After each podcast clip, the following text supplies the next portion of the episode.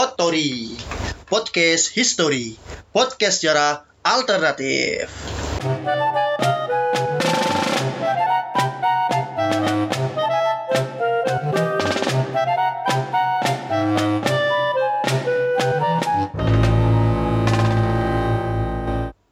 Halo, selamat datang di dalam podcast History. Ya, podcast yang membahas sejarah yang tabu, jarang diperbincangkan orang. Dan moto kita adalah People without history. Kita akan mengangkat itu. Orang-orang yang jarang dibahas dalam sejarah Atau sejarah-sejarah yang diba- jarang dibahas oleh orang-orang. Dalam episode pertama kali ini Kita akan membahas tentang masalah pemindahan ibu kota.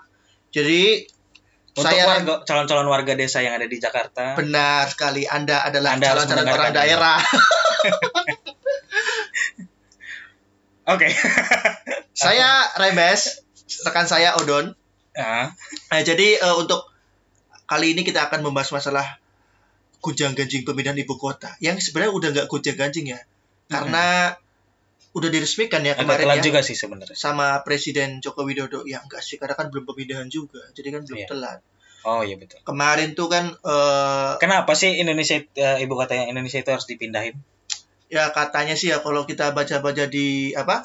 Enggak, kemarin sih kalau di konversinya apa Pak Jokowi itu jadi ada beberapa hal yang udah dibahas. Pertama, Jakarta itu tidak bisa menopang lagi satu dari segi lingkungan, terus kemudian eh, dari segi polusi dan yang jelas dia tidak bisa menanggung banyak sekali sektor. Jadi kan sekarang tuh kan Jakarta kan selain ibu kota pemerintahan, pusat bisnis, pusat Hmm. perdagangan, Hmm, pusat keuangan, ya, dan Pusat, lain-lain lah ya. Dan oke. penduduknya kan juga banyak kan. betul.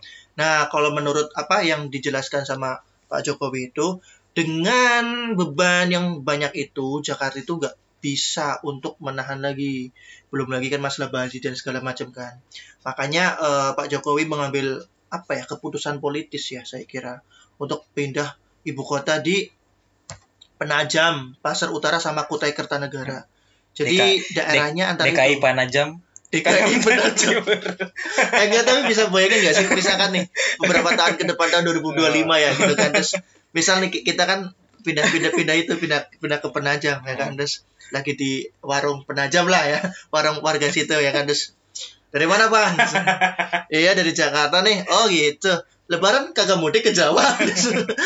oh iya iya kagak kagak kan Skip, aneh skip, skip, sih? skip, skip, skip. goblok. Oke. Nah, terus ada nih Don, ada Tapi sebenarnya kan kalau sebagai calon warga desa Jakarta nih, sebenarnya desa pemindahan Jakarta. pemindahan ibu kota ke Panajam ini sebenarnya kan Penajam, ba- Penajam, Penajam atau Panajam. Panajam? Penajam Pasar Utara. Ah ya itulah. Aku tahu tuh. Bupatinya aku tahu.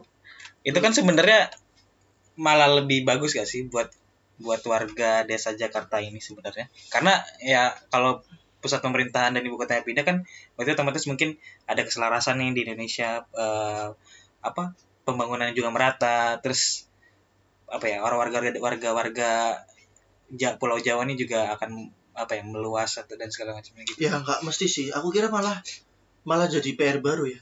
Karena gini, misalkan eh kan keputusan ini kan hanya kemudian ibu kota yang dipindah, Hmm. artinya pusat pemerintahan. Hmm. Tapi kan eh, permasalahannya adalah apakah kemudian pusat bisnisnya juga dipindah?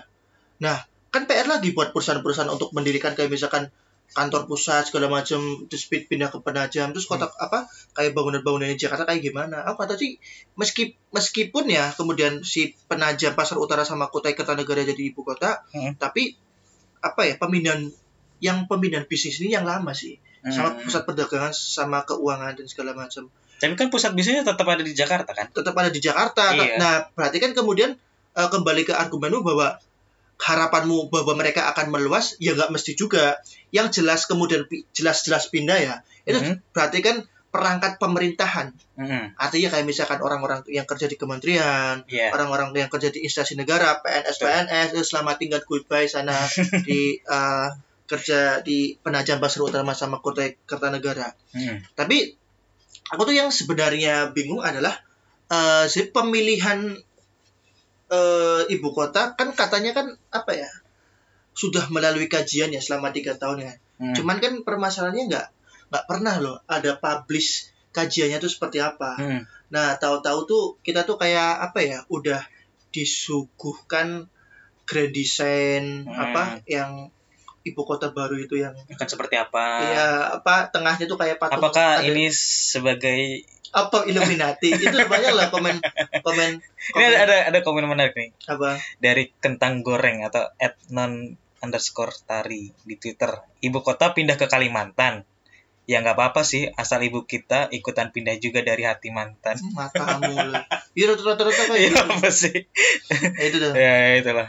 Terus lanjutin Nah, lanjutin. kayak apa kayak pada komen bangunan-bangunannya kan pentagram gitu kan Hmm. apa wah itu Illuminati Illuminati ah nggak penting lah menurutku tapi jelas kritik paling tajam adalah eh, karena kan pemindahan ibu kota ini kan memakan anggaran yang cukup lumayan kan Empat- Hmm. empat katanya 446 triliun itu Tapi kan itu ada ada apa statement juga dari Pak Jokowi kalau berapa persen cuma dari APBN dan lebih apa berapa eh, persen lebih banyaknya itu lebih ke swasta dan enggak be- be- katanya sih be- apa ya ini apa ya insight lain ya katanya ada yang juga akan dijual aset juga aset-aset negara juga akan dilelang apa Serius? tuh? berarti aku nggak tahu ya membayangkan kayak gedung-gedung PI kayak gitu terus kemudian dilelang dijual dan segala macam Lah itu kan katanya Apakah memang mau mau di kata Pak Anies juga katanya mau dibuat eh, apa ya taman hijau lapangan taman. Tapi emang nggak sih itu gedung PI itu bagus banget loh coy. Banyak kita tuh banyak gedung-gedung bagus loh. Ya, mungkin nanti akan disewa-sewain ke perusahaan-perusahaan hmm, yang punya duit kali. Ah. Nggak tahu ya. tapi menarik gitu Don sebenarnya. Eh apa ya? Kalau kita membahas tentang Jakarta ini kan sebenarnya sejarahnya kan ratusan tahun tuh. Ada buku yang bagus banget membahas tentang Jakarta ya. Hmm. Namanya itu Jakarta 400 tahun. Yang nulis tuh Susan Blackburn Hmm. atau Susan Abiyasekere. Jakarta 400 tahun. Ah, ah, jadi pas pas zaman pas zaman apa kolonial itu Jakarta jadi kesimpulannya si Susan Blackburn tuh gini eh oh ya buku itu diterbitin sama itu ya penerbit komunitas bambu ya Kobam punya Ya. JJ Rizal Oke. Eh, Nanti bisa lihat di deskripsi juga. iya, nah Jadi jadi juga di sini. Nggak ditaruh masih. apa Susan Abiyasekere atau Susan Blackburn ini berkesimpulan bahwa pas masa kolonial Jakarta itu dibangun untuk memuaskan hasrat orang-orang kulit putih Apa tuh maksudnya? Eh, karena gini, misal eh, kalau dulu pas zaman kolonial nih kita naik tram, ya kan? Nah, Hmm. bahkan di tram di, Presiden di- di Amerika. tram, Oke. tram, tram tuh apa sih? Kereta. Pada pada pernah keluar negeri nggak? Anjir, nggak pernah sih. Eh pernah aku sekali ya. Nggak, jadi Tram. kayak kereta-kereta yang berjalan di di atas Jalanan. aspal. Ah, Aspal, Oke. Nah, terus kayak mereka tuh kan di, dibedakan jadi tiga golongan nih ya, golongan kulit putih, terus golongan timur jauh tuh kayak Arab, kayak Cina, nah terus pribumi. Nah, jadi di kelas eksekutifnya itu yang boleh nempatin cuma orang-orang kulit putih. Terus yang di kelas kayak bisnis-bisnisnya itu yang boleh nempatin itu orang-orang Arab sama orang-orang Cina. Nah, Hmm. orang-orang bumi putranya malah ditempatin di kelas-kelas ekonomi ya, kelas-kelas paling terbawah lah. Nah, terus kayak pembangunan-pembangunan itu sebenarnya tuh apa ya? Mereplika yang apa yang ada di Amsterdam. Jadi kayak misalkan kalau apa eh bro-bro semua, bro, kita nggak punya panggilan buat pendengar kita apa sih namanya? Kalau sampean-sampean atau anda-anda semua, aduh, pergi ke kota kota tua ya, yang kota yang kota kota, kota tua itu di Museum Fathahillah itu kan sangat Amsterdam. Nah dulu tuh di situ banyak banyak apa ya kanal-kanal yang apa yang mengalir air air air itu buat Hmm. masuk masuk kapal. Nah kanal-kanal itu juga yang sebenarnya setelahnya kemudian justru membuat eh, wabah malaria di Batavia. Dulu kan Jakarta namanya Batavia. Hmm. Nah, banyak hal yang kemudian maksudku gagasan rasial-rasial orang-orang kulit putih itu mewujud dalam pembangunan pembangunan yang ada dalam perkotaan. Hmm, oh, berarti gitu. ja- jadi Jakarta itu dulu itu dibuat karena obsesi dari orang-orang Iya, orang-orang orang-orang kulit putih. kulit putih itu siapa? Batavia lama. Maksudnya? Ya kayak Kun pemerintah kolonial dan lain-lain, Ah. VOC pertama kali, pertamanya benteng, kemudian kemudian mereka di, diper- diperlebar dan segala macam. Oke. Terus apa apa buktinya misalnya bukti yang bisa kita lihat? Nah, banyak don kayak misalkan nih eh, obsesi-obsesi mereka kayak misalkan eh Satu. pemukiman-pemukiman ya contoh ya Pemukiman, ada misalkan eh, Master Cornelis, sekarang namanya Jat- Apa Jat-? Jatinegara. Master dulu Ah, Jat- Jatinegara itu namanya Master Cornelis. Oh, Jatinegara di Jakarta. Bukan iya, di- Jatinegara eh, Jakarta. oke. Nah, terus, kayak perumahan Menteng itu kan perumahan-perumahan yang apa Kenapa khusus Perumahan Menteng? khusus diguni untuk orang-orang kulit putih. Ya. Jadi mereka sudah Oh, didesain. nah, gitu, oke. ini mana wilayah kita, mana wilayah mereka gitu. Jadi Hmm. gagasan sejak dari blue blueprintnya udah kelihatan. Oh, itu bahwa- dari pemukiman. Terus Iya. yang kedua dari terus dari apa kayak monumen-monumen, monumen. Walter Freden, sekarang lapangan Banteng namanya. monumen? Tapi dulu itu kan apa khusus ada patung singa itu untuk singa. apa? Singa untuk mempersembahkan pada apa orang-orang Bukan banteng dong. pemerintah Belanda di sana. Pas zaman Soekarno diganti, Ganti banteng. diganti banteng, Dulu patung singa. patung singa. Oh gitu. Heeh, jadi banyak- Sekarang ada banteng. aku belum pernah ke sana lagi sih. Oke. Tapi kan yang sekarang di apa Iran Barat. Nah, itu Oh, kemudian berarti lapangan banteng itu dulunya lapangan singa. lapangan singa Walter Freden. Nah, terus Oh. gara- gara-gara Kenapa di- diganti sama gara- gara-gara dianggap jadi lucu nih Don apa kayak apa kan pas pas Indonesia merdeka itu kan eh, Soekarno terobsesi namanya bahasa kerennya nih ya kalau di di akademis itu dekolonisasi bahasa mudanya apa? bahasa mudanya ya kebe- kebencian terhadap kolonial unsur-unsur Oke. kolonial nah jadi pas pas merdeka itu eh, Soekarno itu melihat Jakarta itu kayak ini tuh bener-bener kayak warisan kolonial itu loh jadi Betul. setiap sudut Karena ini- Jakarta emang awalnya dibentuk dari obsesi ya obsesi orang-orang kolonial, ya kan nah gitu terus kan. terus kayak Soekarno tuh melihat setelah merdeka setelah merdeka dia tuh melihat ini kayak kotanya nggak Indonesia banget deh oh gitu. nah nah, ada ada anu nih dosenku tuh menulis Apa tuh yang misalnya yang gak ada Indonesia banget apa? Kayak misalnya tadi apa? ya dia kayak nggak mencerminkan semangat kebangsaan kita nggak ada kami ident- identitas nasional sebagai bangsa yang besar jadi Hmm. Soekarno kan orangnya anu ya megalomania ya apa tuh? megalomania itu kayak yo pengen bener-bener dihormati pengen disanjung-sanjung pada saat pada Pada sisi saat itu. pada sisi yang lain lah ya maksudnya ya ini apa sisi lain dari Soekarno kan nah terus apa dia nggak melihat bahwa kita tuh di kota tuh harus punya kebanggaan. Jadi harus punya nasionalisme. Nah Hmm. tapi nasionalisme itu harus mewujud dalam bentuk Harus ada representasinya. Ah benar harus ada representasi harus ada dalam bentuk sesuatu gitu ya. aplikasinya nih apa nih Oke, ya kan? Nah makanya pas itu banget tuh kan menyambut Ganevo tuh.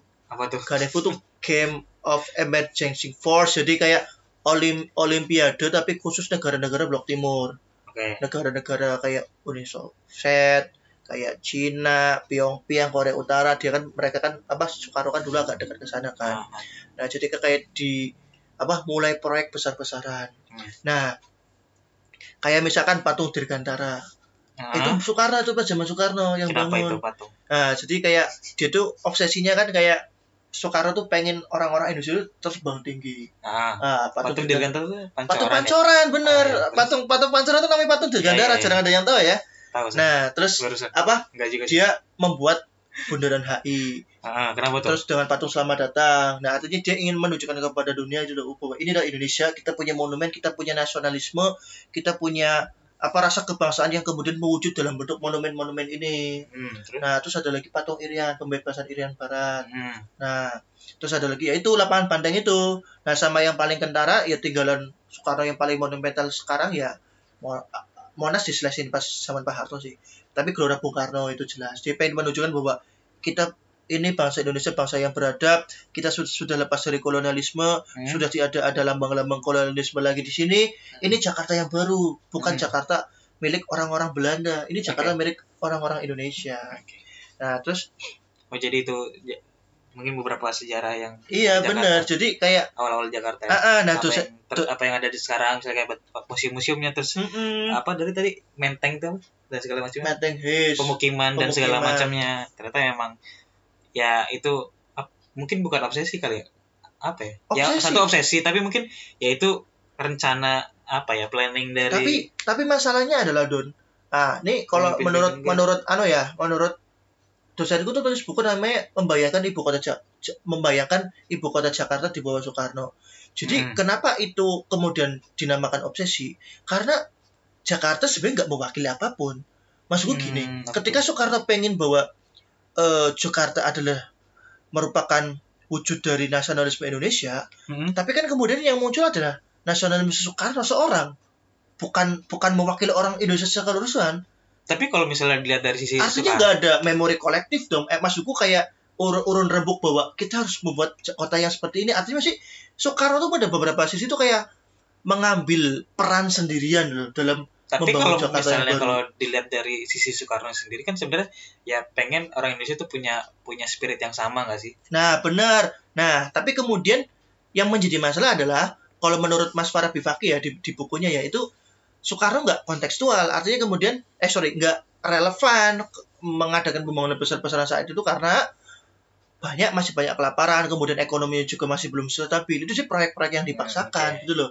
Dan kemudian proyek sebagian besar proyek-proyeknya Soekarno itu malah menjadi antitesis dari pembangunan yang dilakukan Maksudnya apa tuh? kolonial.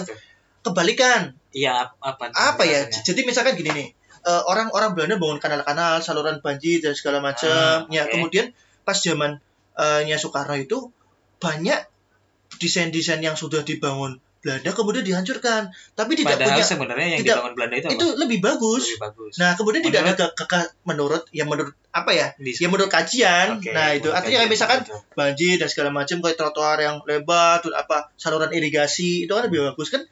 Eh dulu pas zaman kolonial nih kalau misalkan teman-teman buka aja YouTube banyak kok dokumentasi dokumentasi pas zaman kolonial 1940-an itu Hmm. itu kan ada tram ya kan sekarang tram hilang di karena- Jakarta. iya iya Oke. hilang dulu Di Solo dulu masih ada ya? Apa? Di Solo. di Solo masih ada tapi kan cuma berapa jalur beroperasi sejalur Ah, doang iya. kan di Sriwedari kan nah apa kayak tram-tram jalurnya hilang semua nah terus kayak jalan-jalan tuh diperlebar jadi pengen itu ibu kota tuh kayak menampung apa kayak kendaraan yang banyak kita tuh Hmm. harus punya jalan yang lebar sebagai bangsa yang besar. Nah, Hmm. tapi kayak kemudian itu apa ya mengorbankan desain yang bagus itu tadi.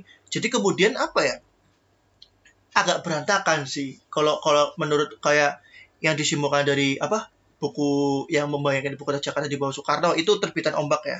Itu kayak gitu. Nah Oh, Oke. sama ini Don aku tuh apa baca baca baca di ini loh kumparan Apa tuh? Jadi kayak eh, ada berita Megawati mengenang dulu Jak- Jakarta hanya sebatas menteng saja. Tapi apa di kumparan apa? apa? Jadi Megawati harap ibu kota baru itu ditata baik, tak seperti Ah. Jakarta. Ah. Jadi kan kayak apa ya? Ini no offense ya, bukan bukan karena eh, saya nggak suka Bu Mega atau apa, tapi mencoba apa ya memaparkan isi berita ada- yang ada di kumparan news. Jadi Megawati harap ibu kota di, baru ditata baik seperti Jakarta. Hmm. Eh, tak bacanya. Presiden RI Megawati Soekarno Putri mendukung rencana Presiden Joko Widodo untuk memindahkan ibu kota ke Kalimantan. Namun ia menyarankan agar ibu kota baru didesain dengan baik dan tidak diberi beban terlalu banyak seperti Jakarta. Ia lalu bercerita soal pengalamannya usai kemerdekaan saat itu kata Megawati yang disebut dengan wilayah Jakarta Hmm. sebenarnya hanya sebatas menteng Jakarta Pusat saja. Hmm. Mereka yang tinggal di situ lalu dikenal sebagai unmen alias anak menteng. Tidak ada. Jakarta yang Oke. namanya Kebayoran, Tebet dan wilayah lainnya. Kata Megawati di sela-sela kunjungannya. Karena itu sejak kecil Megawati selalu mengamati perkembangan Jakarta dari wilayahnya tinggal di Menteng Nah, dan sekitar istana kepresidenan. Menurutnya Jakarta lalu berkembang menjadi sebuah wilayah tanpa tata kota yang baik. oke. Jadi apa ya? Pada titik ini kan kayak Bu Mega tuh kayak menyalahkan tata kota Jakarta ya. Terus dia Setelah perkembangan sampai sekarang Iya, kan. sampai sekarang. Tapi menurutku ini agak unik juga, Don. Karena gini, dia cuma melihat kayak Jakarta tuh dari Menteng saja. Dia nggak pernah pergi ke mana-mana. Dan tanpa tahu bahwa sebenarnya pun secara tidak langsung loh ya, ayahnya sendiri, Soekarno sebenarnya punya andil loh dalam penataan Jakarta. Hmm. Kan nggak mungkin berkaitan dengan obsesi-obsesi yang tadi. berkaitan dengan obsesi-obsesi yang kita bicarakan tadi tentang apa pendirian kayak berbagai macam monumen dan segala macam menurutku harusnya eh, apa ya ya me- aku aku kira Megawati kemudian kayak menye- menyalahkan sesu- sesudah itu ya sesudah kepemimpinan bapaknya ya Hmm. tapi menurutku bahwa mau nggak mau harus diakui bahwa Soekarno juga punya andil dalam penataan Jakarta Oke. belum lagi kemudian pas Orde Baru masuk wah itu Hmm. kan industrialisasi sangat kencang Hmm. itu Terus? Sampai sampai sekarang Jakarta diberikan beban yang sangat banyak. Berarti satu sisi di eh, di mana rencana pemindahan kota eh ibu kota baru ini ke Penajam itu kan bagus. ya sebenarnya bagus sih Don. Menurutku loh ya. Menurut Ma- tapi tapi permasalahan apakah kita siap masalahnya kamu siap nggak pindah ke Jakarta? Eh pindah ke Penajam Pasar Utara. Ya kenapa kita harus pindah ke penajam? Kalian yang pusat pemerintahnya aja. Iya tapi aku tuh kadang mikir gini loh Don. Kayak misalkan oke nah lah sekarang pusat- ah, bentar, ap- apa apa dampak positifnya dan negatifnya ibu kota pindah ke penajam? Salah mungkin Hmm. pertimbangannya kan kayak eh, ada bencana lebih minim bencana eh, Hmm. gempa dan segala macamnya. Ya itu kan menurut kajian mereka lebih di aja. tengah Hmm. posisinya. Terus ada yang ya macam-macam lah alasan ibu kota dipindah tapi sebenarnya untuk apa ya untuk masyarakat Indonesia itu sendiri apa dampak positif dan negatifnya? Kalau apa kalau menurutku ya Don satu pemindahan. Aku nggak tahu tapi orang-orang Indonesia kan lucu. Artinya kenapa kemudian Jakarta bisa berkembang.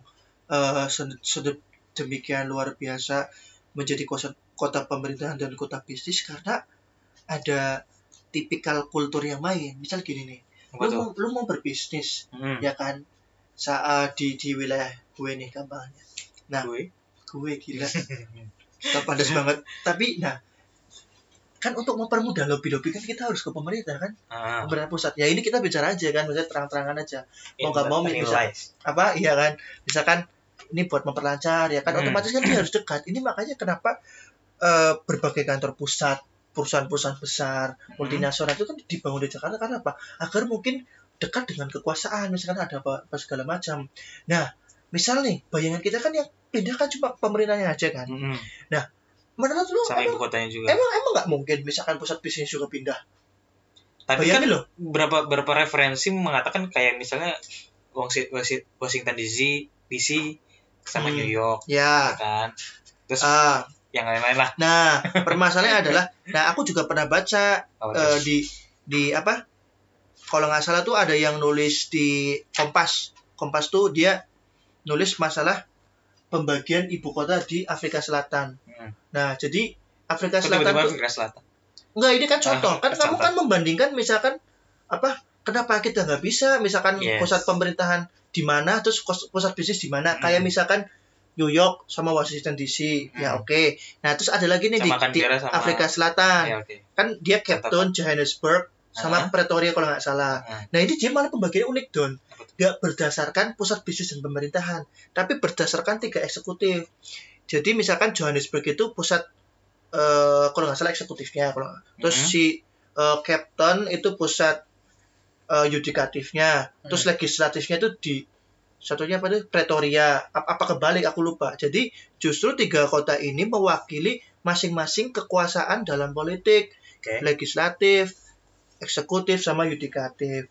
Nah permasalahannya adalah kan mereka kan daratan. Nah, terus? Ya kan? Af- Amerika kan juga daratan. Mm-mm. artinya mereka nggak terpisah laut loh don. Secara Ah. mobilitas mereka gampang loh. Kan ada tol laut. Ya tol laut Batang Rencana. yang tetap lama lah. Ya, Biasanya urusan urusan urusan masalah apa ya? Masalah mobilitas, masalah keputusan kan kadang harus diambil dengan cepat. Mm-mm. Kan kayak gitu. Menurutku kalau misalkan eh, pindah-pindah beda-beda pulau kayak ini, iya bagus. Cuma menurutku nanti ada dalam hal-hal genting itu yang dibutuhkan mobilitas cepat, mereka akan Nggak, eh, seca- mu- mungkin nggak. terseok-seok ya. Nah, secara positifnya berarti memang bagus secara geografis, ya bagus secara eh, geografis menurutku. resiko bencana dan segala macamnya. Resiko percaya iya, tapi jangan lupa loh. Maksudku Kalimantan ini kan pusatnya paru-paru dunia kan. Nah, aku nggak tahu nih, si pemerintah dia memindahkan ibu kota di Penajam sama Kuta itu untuk mudah mengawasi pembakaran lahan dan apa penyalahgunaan lahan di Kalimantan Mm-mm. atau Apa? justru nanti akan menambah kerusakan lingkungan. kerusakan lingkungan di Kalimantan. Iya mau nggak mau pasti kan pembangunan jadi pesat, Mm-mm. jadi melebar. Betul. Maksudku dengan adanya misalkan Penajam Pasir Utara dan Kutai Kartanegara pasti muncul kota-kota satelit dong. Yang paling dekat kan Balikpapan, Samarinda. Tapi kan nggak memungkinkan ada pembukaan lahan lain. Mm-mm. Belum akses ke misalkan daerah antar provinsi di Kalimantan pasti terbuka. Nah, aku tuh dapat anu, dapat cerita. Jadi padeku kan dia di Pontianak. Ini Nah. berarti salah satu entar dulu. Ini ya, positifnya tadi udah gitu doang. Maksudnya kayak ya Iya. udah itu doang maksudnya kayak ya ya udah Ya pemerataan gitu gitulah. positifnya nggak ada lagi Kayaknya belum ada lagi deh. atau kita nggak tahu aja gitu ya kan ya. lah ini permasalahan kajian kajian yang selama tiga tahun itu nggak pernah diungkap jadi yang Ah, cuma yang diungkap kayak- grand design-nya Nah kalau grand grand desainnya coba sih diamatin yang mirip pentagram pentagram kayak gitu. Emang lu lihat ada transportasi umum di sana? Kan nggak ada. transportasi apa khusus Transportasi umum lah, gila Ah. aja. Yang salah di ibu kota Jakarta kan transportasi umum kita telat. Ah, Jadi kita oke. lebih mementingkan kendaraan pribadi daripada transportasi umum. Ini kritik nih ke pemerintah. berarti pertama nih yang negatifnya maksudnya mungkin apa ya mungkin bisa jadi apa masukan kali kalau Iya, didengar juga didengar. Ya nggak apa-apa, pasti didengar. Selalu aja. berarti pertama mungkin eh, urusan-urusan pemerintah agak lama karena memang kalau misalnya dia referensi di luar itu kan memang pulau mereka dalam satu pulau yang sama dalam satu daratan. dalam satu daratan yang sama dalam satu daratan. Kalau misalnya Jakarta Pulau Jawa dan Kalimantan kan terpisah lautan Hmm. gitu kan itu yang agak lama terus yang kedua tadi apa Ya, apa negatifnya? Lingkungan jelas. oh ya lingkungan pembukaan pembukaan lahan dan segala macam Iya. akan berdampak kepada Orang-orang hutan aja jadi orang kota dong. Iya sih? Iya oke. Oke, pembukaan lahan dan kerusakan lingkungan Hmm. kemungkinan akan terjadi. Terus yang ketiga, Yang ketiga ya menurutku nggak tahu sih.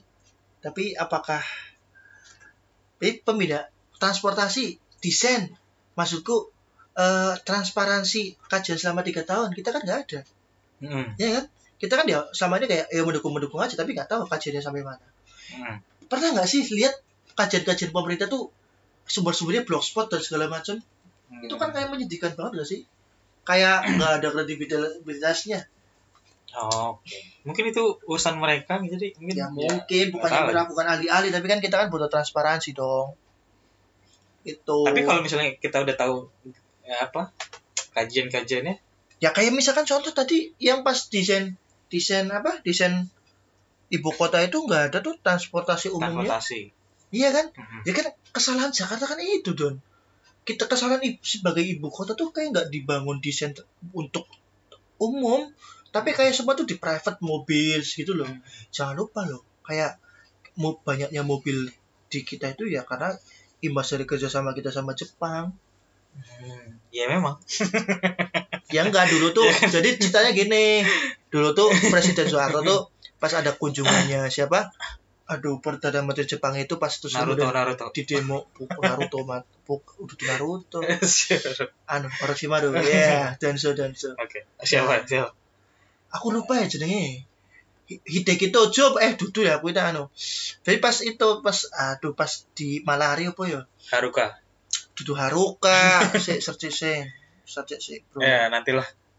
Biar cari orang sendiri tapi anu penasaran penasaran siapa, nih siapa? PM Jadi dulu pas zaman Pak Soeharto PM nah ada itu kerjasama dengan Jepang, nah jadi ini pemerintahan Jepang. mereka tuh kayak menaikkan kontrak gini dong Jepang bersedia untuk membiayai seluruh pengaspalan jalan Mhm. yang ada di seluruh Indonesia. Nah, Nah, Tapi- kapan tuh zaman apa? tahun tahun berapa tuh? Nah inilah kita cari nih. Iya. Eh, siapa ya? Oh, Tanake Kukei. Tanah Kekuke bisa dicari apa? Hmm. Keywordnya Peristiwa Malari. peristiwa, Peristiwa Malari. demonstrasi mahasiswa dan kerusuhan sosial yang terjadi pada 15 Januari 1974. Peristiwa itu terjadi saat Perdana Menteri Jepang Tanaka Kukei sedang berkunjung ke Jakarta. Hmm. Januari 1974. Nah, terus nah jadi si Perdana Menteri Jepang ini si Tanaka Kakue ini, Kakue. Keke, Nah, Keke. intinya menjalin kerjasama berusaha mendonorkan uang lah Hmm. untuk Indonesia Indonesia diutangi berapa gitu kan Hmm. tapi jaminannya gini eh tolong dibangun jalan ya kan tapi Hmm. kalau misalkan orang-orang Indonesia mau apa membeli kayak barang-barang otomotif itu Hmm. kamu harus import dari saya nah itulah mengapa kita tuh lebih banyak Suzuki Yamaha Kawasaki Honda, dan segala macam yang membanjiri seluruh jalanan di ibu kota Eh, sampai wilayah-wilayah yang ada pelosok. brandnya. apa? Yang ada brandnya skip aja. ya apa-apa lah selalu aja kan emang produk Jepang. Ya kita tuh ma- kita tuh dijajah Jepang tapi bajunya Cina ya? Heran aku tuh. Iya, menarik juga, menarik. Pertanyaan yang menarik juga. iya juga ya Iya sebenarnya iya. Apa sih produk Cina tuh paling Xiaomi doang kan? Kita dari dulu dijajah Jepang loh. Se- Sejak zaman Orde Baru. Tapi ya disalahin Cina. Ya karena Cina komunis. Kata Ustaz, Ustaz Tengku Zuli ya. Gak ngerti sih. Enggak. Oke, berarti apa? Udah banyak faktor banyak faktor sebenarnya misalnya dari kalau disimpulin dari awal tadi itu eh, apa sih dampak positif negatif eh, dari perpindahan ibu kota yaitu tadi Hmm. positifnya ada positifnya tapi negatifnya juga masih ada misalnya bisa bisa kita kaji lagi apakah memang tepat ibu kota itu atau misalnya kita dari kritik-kritik orang Hmm. masyarakat Indonesia kita bisa kasih solusi nih apa apa dari negatif-negatif itu apa yang perlu dita- di, ditanggulangi do- apa, Hmm. penanganan terlebih dahulu lah gitu biar nggak seperti Jakarta Ya, ruwetnya dan segala benar. macamnya Kalau memang benar-benar akan pindah. Hmm. nah Ya dikawal bersama-sama lah Heeh. menurutku. Terus kalau misalnya ditarik lagi, kenapa sih ibu kota itu eh, ibu kita ibu kota itu harus pindah ke Kalimantan? Mungkin salah satu alasannya karena memang Jakarta udah terlalu ruwet.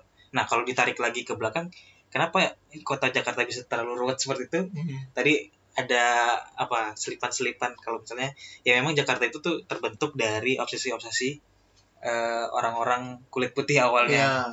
Terus setelah merdeka akhirnya eh, Presiden Soekarno pertama Presiden Indonesia pertama Pak Soekarno itu kayak punya obsesi-obsesi juga untuk Hmm. merepresentasikan jiwa apa ya, Nasionalisme spirit dirinya. spirit nasionalismenya eh, eh, nasionalisme orang-orang Indonesia dari Iya. dirinya dengan membentuk eh, apa pemukiman bisa dilihat di pemukiman terus Ah, monumen. monumen-monumen bangunan-bangunan dan segala macamnya terus tadi yang terakhir apa? Nah, terus Suha- Nah, itu sebenarnya ada satu lagi Soeharto tuh. Soeharto juga turut andil tuh dalam mem- memserawutkan Jakarta yang luar Ah. biasa itu. Ya zaman itu kan kemudian kayak c- apa pernah dengar nggak sih kayak selantingan tentang ibu kota lebih kejam dari ibu tiri. ya Itu itu itu itu anu loh muncul pas zaman Soeharto loh. oke Pernah lihat filmnya Dono itu Enggak. yang an si Slamet itu. mungkin lupa. Slamet. Pernah kali tapi Ah. lupa. yang terus anaknya anak dari Jawa itu nah terus ketemu Indro Indronya orang kaya gitu. Mm-mm. terus apa bapaknya tuh melepas si Dono itu Gila ke ke Jakarta ya kan. Yang di eh beliin bemo itu loh bemo gondrong. Masa nggak ya, ya, tahu ya, sih? ya, ya, pernah nah lihat. terus kan dia ngomong ibu yang kota di salah satu TV tapi TV-nya juga nggak bayar. Reality iya iya. Ya itulah bemo gondrong itu. Nah terus apa eh kan dia bilang ibu kota lebih ke ibu tiri jadi selentingan-selentingan kayak gitu kan kayak apa ya realitas sosial yang muncul itu Jun. kayak kritik-kritik yang muncul Hmm. pada zamannya gitu loh jadi oke kayak selentingan kayak apa berarti eh, op- mungkin gini bisa ditarik eh, nangkap sih eh, apa mungkin gambarannya berarti kota Jakarta ini tuh kayak buat para pemegang pemegang jabatan atau petinggi-petinggi yang ada saat itu itu sebagai lahan bahasa untuk ya dikeruk uangnya aja gitu. Iya gak sih? Maksudnya mau dibangun apa mau di proyek apa segala macam. Ya Jakarta tuh kayak emang jadi lahan bahasa untuk in- bisnis orang-orang yang petinggi zaman dulu. Ya bisa ditarik kesimpulan seperti itu. Nah kalau bisnis enggak sih menurutku tapi kayak bagaimana dia itu apa ya dijadikan kayak laboratorium menurutku. oh, lebih ke laboratorium. la- laboratorium kayak para pemangku jabatan eksperimen jadi apa kayak Soekarno pengen dibangun ini ini Soeharto Soeharto poinnya dia lebih ke industrialisasi loh kayak menjadikan Jakarta sebagai kota industri dan segala macam makanya kan menarik orang-orang dari Jawa dan Hmm. dari seluruh Indonesia bahkan. Nah, salah kesalahan Orde Baru, mengapa kemudian pembangunan rata, pembangunan semua difokuskan ke Jawa, terutama Jakarta. Hmm. Makanya kan muncul kayak Jawa sentris, Jakarta Hmm. sentris, Hmm. bahwa lu mau lihat Sukses. Indonesia tuh lihat Jakarta, lu mau Oh, sukses lihat Jakarta. Oke. Tapi di Jakarta Salah jangan satunya lupa. kita. Iya, Saya. kita anjing. Kita ma- makanya kayak misalkan selentingan itu muncul kayak ibu kota lebih kejam dari ibu tiri. Lu harus survive di Jakarta, Bro. Tapi jangan lupa, ibu kota lebih kejam dari ibu tiri. Nah, di sanalah kayak selentingan-selentingan itu muncul pada ma- sama Soeharto. Jadi Soeharto bi- bikin bagaimana Jakarta menjadi kota kompetisi, kota Hmm. kota yang lu mau menang lu harus di sini. Tapi jangan lupa lu harus berdarah-darah. Oh. Anjing. gitu. Tapi bukan itu, ya, ya, oke lah. Iya, Bro. Ya, ya. Sampai sekarang loh, Bro. Sampai sekarang. Sampai sekarang. Lu mau jadi apa ya Jakarta, Bro? Nice. Iya. Oke. Eh, eh, nggak tahu Ya, sih. ya, ya. Tapi sekarang mah ada ada YouTube, ada apa? Ya, ya, ya. Ada akun Hapsa itu di Kalimantan bisa tuh nge-YouTube. Iya, berarti mem- Tapi dia kesimpulannya ditarik ke belakang memang proses eh, terjadinya apa ya? Jakarta saat ini tuh bukan berdasarkan bukan sih bukan Beberapa- kesalahan apa bukan ya kesalahan. salah satu dua persen tapi proses historis dia ya, menurutku proses proses bertahun-tahun ke belakang Oh, yang oh. memang akar, ya, bisa akar jadi- sejarahnya memang udah kayak gitu betul itu kenapa kenapa Jakarta ya salah satu mungkin pendapat kalau ibu kota itu harus dipindahin ke Kalim ke Kalimantan Timur. Ya. Gitu. Terus yang terakhir tadi apa? Terakhir apa yang mana ya yang mana sih? Yang sebelum Soeharto. Sebelum Soeharto. Ya kui. Soekarno lah. Ya sebelum Soekarno. Sebelum Eh, Soekarno. ini apa yang ya Jaka, ya tadi salah satu faktornya Soekarno Soeharto terus da, da- di di zamannya Soeharto itu kan kayak Jakarta dibikin kota industri terus Iya. dibikin private tadi. Eh, eh, nyambung lagi ke industri otomotif Eh. mobil dan motor yang memang eh, ada kerjasama dengan Jepang tadi hmm, terkait dengan peristiwa malari. Malari. Apa sih katanya? Malari. Malari ki malah petaka. 24 Januari. 24 Januari. Nah itu keterkaitannya jadi kenapa di Jakarta banyak kendaraan? Hmm. ya mungkin bukan apa ya satu tahun dua tahun penyebab dari Hmm. apa yang terjadi di Jakarta saat ini. Iya, tapi benar. juga bertahun-tahun lalu. Implikasi Hmm, betul. imbas dari ya kebijakan Bapak Soeharto itu. Iya. mau nggak mau harus diakui Bapak Tommy. Nggak tahu sih. Ya oke lah. Itulah. Ya gitu. Nah jadi gitu. Jadi intinya ya kalau misalkan ya kita pada dasarnya sebagai rakyat ya Don ya mendukunglah pemindahan ibu kota. Ya seyogianya ibu kota dirancang sedemikian rupa dan melibatkan seluruh bangsa Indonesia jangan sampai ibu kota baru ini ini ibu kota mau dibuat buat siapa pertanyaan itu kan sebenarnya kalau Jakarta dulu dibuat untuk orang-orang kulit putih Hmm. memenuhi ambisi Soekarno Hmm. memenuhi ambi- ambisi Soeharto dan industrialisasi Hmm. Nah, sekarang penajam pasar utara ini dan kota-kota negara ini dibangun Untuk memenuhi ambisi siapa? Kan itu. Nah, Begitu. kita kawal benar-benar ibu kota ini semoga menjadi benar-benar kebanggaan Indonesia dan merepresentasikan bangsa Indonesia seutuhnya. Iya. Melintasi batas-batas agama, sekat-sekat suku dan ras dan Hmm. budaya dan segala macam. ya semoga apa ya spirit kebangsaan Pak Jokowi atau misalnya emang apa tujuan-tujuan positifnya memang tercapai gitu Iya, dan di ibu kota baru ini Oke, gitu saja oke. banyak yang dibahas Jakarta dengan ibu kota terus Mm-mm. Ya, dan, dan Soekarno, akar historisnya. Itu aja ya. Jepang dan otomotif ya. Nanti kita kita oh iya ada kalau misalkan ada pertanyaan boleh loh nanti ya kita nggak ada yang dengerin juga sih yang sebenarnya. ada pasti ada. Boleh ke ini aja deh. Men eh, ke mention. Apa ya kamu? komen komen aja lah ntar. Iya komen deh di, di mana pun kamu di, dengerin. di mana di mana pun kamu dengerin. Oke? Atau kita- email aja email ke potori eh potori.id at gmail.com potori.id at gmail.com Ya, oke? bisa tanya-tanya. Nah gitu aja. Apa aja lah. Uh-uh. oke itu aja dari kami. Potori podcast history. Selamat malam dan dadah. Sampai ketemu di episode selanjutnya.